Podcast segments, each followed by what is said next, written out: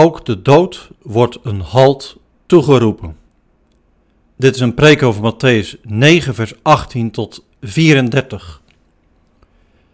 De vorige keer ging het erover dat Jezus zonde vergeeft. Dat werd ervaren als blasfemisch.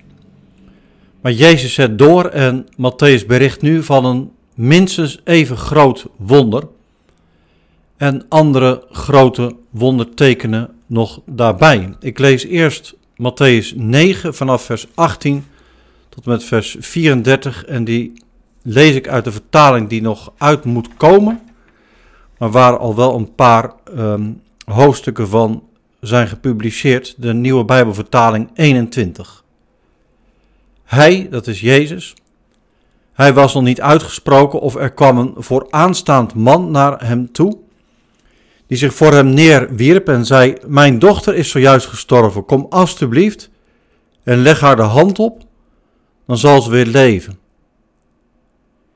Jezus stond op en volgde hem met zijn leerlingen. Plotseling naderde hen van achteren een vrouw, die al twaalf jaar aan bloedverlies leed. Ze raakte de zoom van zijn mantel aan, want ze dacht, als ik alleen zijn mantel maar kan aanraken, zal ik genezen. Jezus draaide zich om. En toen hij de vrouw zag, zei hij: Houd moed, mijn dochter. Uw geloof heeft u gered. En vanaf dat moment was de vrouw genezen. Aangekomen bij het huis van de man, zag Jezus de fluitspelers en de luid weeklagende menigte. En hij zei: Ga naar huis. Het meisje is immers niet gestorven, ze slaapt. Ze lachte hem uit. Nadat iedereen was weggestuurd, ging hij naar binnen. Hij pakte het meisje bij de hand en ze stond op. Dit verhaal verspreidde zich in de hele omgeving. Toen Jezus vandaar verder ging, volgden hem twee blinden die luidkeels riepen: Heb medelijden met ons, zoon van David.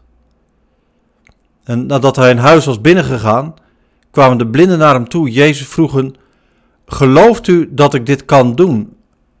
Ze antwoordden, ja, Heer. Daarop raakte hij hun ogen aan en zei, zoals u gelooft, zo zal het ook gebeuren. En hun ogen gingen open. Jezus waarschuwde hen nadrukkelijk. Zorg ervoor dat niemand het te weten komt, maar na hun vertrek verspreidden ze het nieuws over hem in de hele omgeving. Terwijl ze het huis weer verlieten, bracht men iemand bij hem die bezeten was en niet kon spreken. Nadat de demon was uitgedreven, begon de stomme te spreken. De mensenmassa stond versteld en zei: Zoiets is in Israël nog nooit vertoond. Maar de fariseeën zeiden: Het is dankzij de vorst van de demonen dat hij demonen kan uitdrijven. Tot zover het woord van God. Gemeente van de Heer, beste luisteraar. Als de dood komt, houdt alles op. Dat merk je als je iemand verliest van wie je houdt. Je partner, een vriend of een vriendin, je ouders, je kind. Je voelt dat als je zelf ernstig ziek wordt of in een levensbedreigende situatie terechtkomt. Wij mensen zijn sterfelijk. De Bijbel noemt de dood een vijand, de laatste vijand die vernietigd zal worden. 1 Corinthians 15. Hoe vreselijk de dood is, lees je in Matthäus 9. Ja, Iris heeft een belangrijke functie in de synagoge, maar hij vergeet zijn standverschil met die gewone Jezus uit dat nietzeggende Capernaum. Hij gooit zich voor Jezus neer. Je voelt zijn paniek. Zijn dochter is gestorven of bijna gestorven. Stel je voor. Dat meisje moet nog aan haar leven beginnen. De machtige dood terroriseert een heel gezin. Ja, Iris legt zich er niet bij neer. Eén handgebaar van Jezus en ze zal leven, zo is zijn verwachting. Wat heeft deze man een groot geloof? Het gaat hier naar een grens, want wonder had Jezus gedaan, maar een dode opwekken. zelfs in de geschiedenis vol wonderen van Israël is dat zeer uitzonderlijk. Maar Jairus bedenkt zich niet en smeekt Jezus. Je houdt je adem in. Hoe gaat dit aflopen? Maar terwijl het zo spannend wordt, komt er wat tussendoor. Een verhaal van een vrouw die twaalf jaar lang aan bloedverlies lijdt.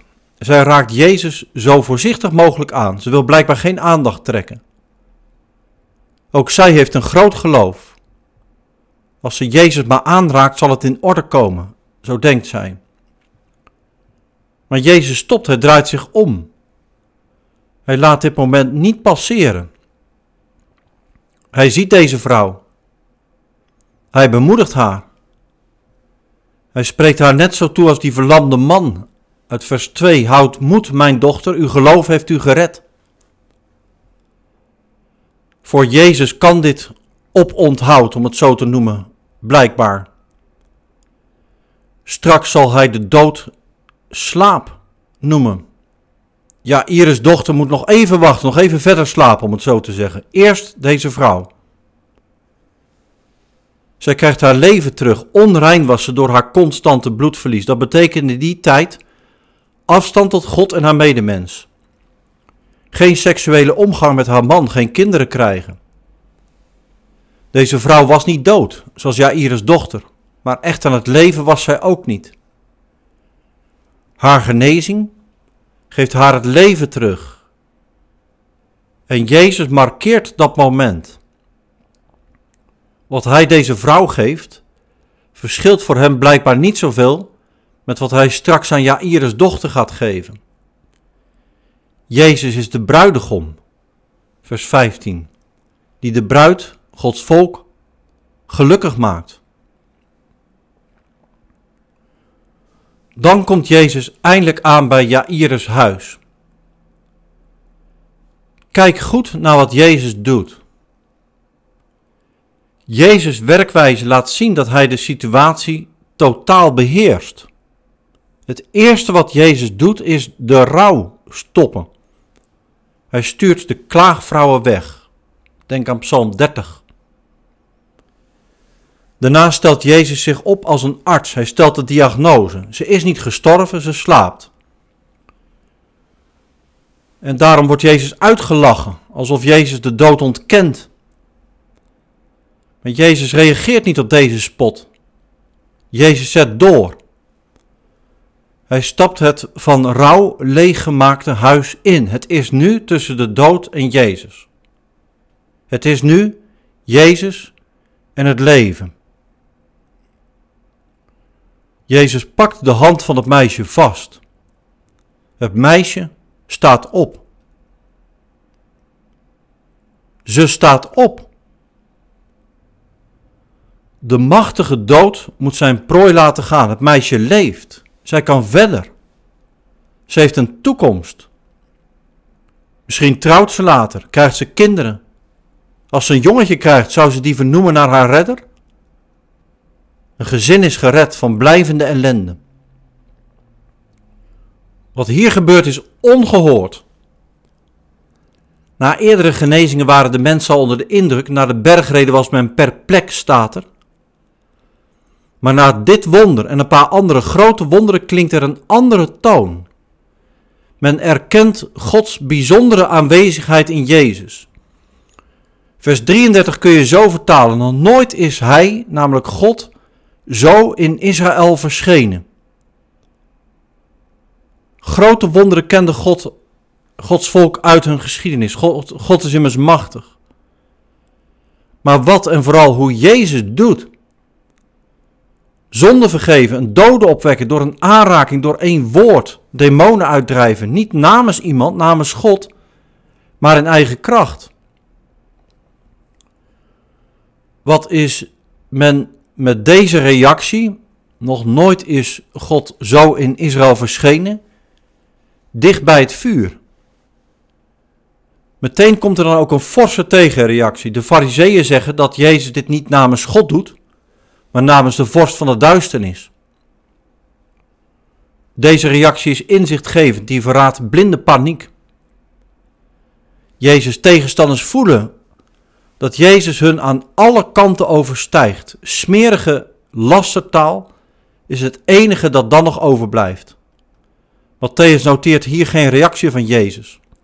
Later doet hij dat wel bij een soortgelijk gelijk verwijt, Matthäus 12. Jezus laat hier allereerst zien dat hij overal boven staat. Hij is de arts die geneest, de bruidegom die geluk geeft. Hij straalt hier tegemoet. Gemeente, wat betekent dit opvallende Bijbelgedeelte? Het betekent niet dat christenen laconiek kunnen doen over de dood. Het is maar slapen. Ik kom daar straks op terug.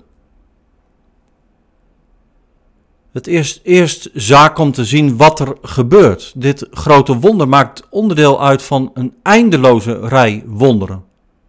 Matthäus 4, Matthäus 8. Jezus heeft oneindige macht, onreinen worden rein, zieken genezen, demonen worden uitgedreven. Jezus stilt de storm op het meer. Jezus vergeeft zelfs zonde en laat een dode opstaan. Vooral die laatste twee zonde vergeven, uitwissen, de dood een halt toeroepen, zijn bijbels gezien opvallend. Dit ziet vooruit naar Golgotha en Pasen, waarin Jezus de dood sterft, de zonde dood, en de dood van binnenuit overwint. In dit verband denk ik ook aan de brief van Paulus aan de Romeinen. Hij schrijft over dit duo, zonde en dood.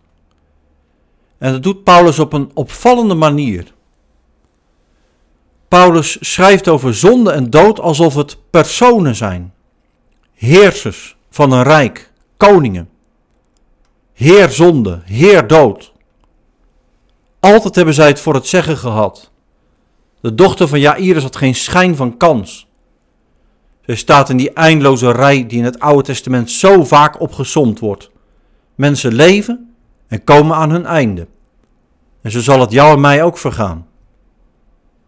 En de verlamde man, de vrouw die aan bloedverlies lijdt, de door demonen bezeten mensen, maar denk ook aan onmacht of onwil om het goede te doen. Het laat allemaal zien hoe sterk en machtig zonde is. Zo is het altijd geweest. Zo altijd, zal het altijd zijn koning zonde, koning dood.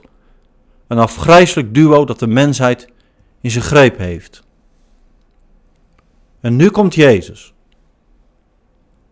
Koning van het hemelse koninkrijk. Hij spreekt en mensen genezen. Is hij een wonderdoener? Luister goed.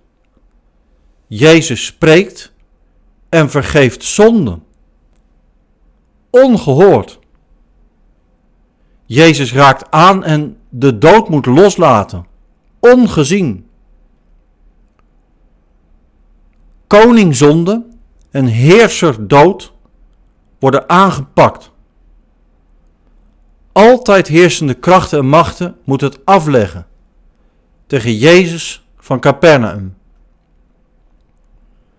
Dat is het opmerkelijke van Matthäus 9. Er komt een nieuwe tijd de meest gedurfde profetische vergezichten, denk aan Jesaja 25, Ezekiel 37, het dode benerendal, Daniel, die vergezichten beginnen een beetje werkelijkheid te worden en de mensen voelen dat aan.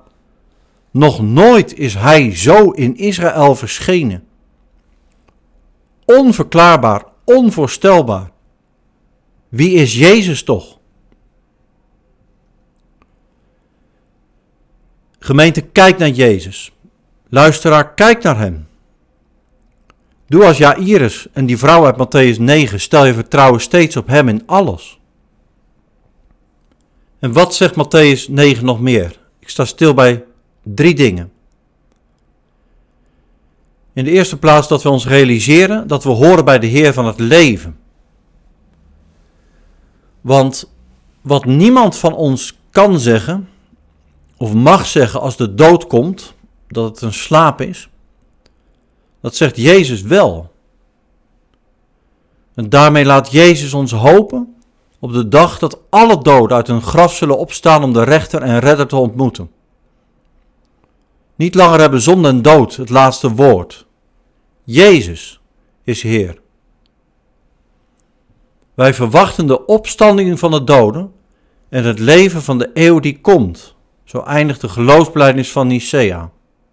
Ongehoord. Ja, inderdaad. Te groots om te bevatten. Maar als de dood definitief ontroond zal worden, 1 Corinthians 15, dan zal de reactie van allen die daarvan getuigen zijn nog intenser zijn dan de reactie toen van Gods volk, dat hij nog nooit zo is verschenen. Maar zo zal het zijn, want zo spreekt en doet de Heer. Het tweede, soms komt de dood dichterbij, dan bidden we de Heer. Hij kan wonderen doen. Soms, een menselijke wijs gesproken, kan of mag iemand niet overlijden. En we bidden de Heer. In hetzelfde geloof als Jairus. Als de dood toch komt, dan klinken de rouwende klaagpsalmen. Er is rouw en verdriet. We kennen hem die de dood versloeg. Troost elkaar. Niet door menselijke dingen te zeggen, maar elkaar in zijn kracht te troosten. Zie 1 Thessalonicense 4. Ik denk ook aan de manier waarop wij als gemeente stilstaan bij overlijden.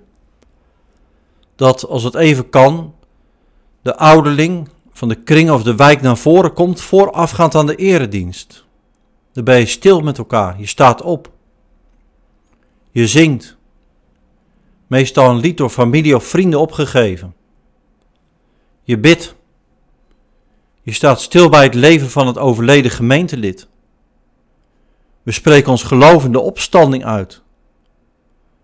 Recent geven we ook meer invulling aan de eeuwigheidszondag, de laatste zondag van het kerkelijk jaar. Het is goed en belangrijk om dat te doen. Want de wereld gaat meestal snel verder als de dood komt, want ja, alles is toch voorbij. Je kijkt weer snel naar het heden. In de kerk sta je stil. Je kijkt op naar de Heer van het leven. Tot slot de derde betekenis, dan denk ik aan veel gemeenteleden en hun werk of vrijwilligerswerk. Veel gemeenteleden werken in de zorg, in de verpleging, in het hospice. En dan kom je steeds in de situatie waar Matthäus 9 van vertelt, in contact met mensen die ziek zijn, mensen die gaan overlijden. Wat belangrijk dat er op al die plekken mensen zijn die hun werk of vrijwilligerswerk goed en toegewijd doen. Wat gaat daar veel van uit? Zorg, een goede sfeer, dat je mensen ziet, goed voor ze bent. En voordat je het weet gaat het als vanzelfsprekend over de dingen van het leven, ook over je geloof. En nee, dan ben je daar niet om te evangeliseren, maar je getuigt. Door je inzet en toewijding, door te vertellen van de hoop die je hebt. Daarin volg je Jezus en draag je bij aan de komst van zijn stralende toekomst. Ik rond de preek af. Matthäus 9 is een indrukwekkend hoofdstuk. Het gaat daarin over onze twee grootste vijanden, zonde en dood. Geen mens heeft het ooit gekund of gedurfd het tegen hen op te nemen. Maar nu verschijnt God op het toneel in Jezus. Hij kiest voor ons. Hij geneest. Vergeeft zonden. Roept de dood een halt toe. Zijn naam geprezen. Op naar zijn dag. Amen.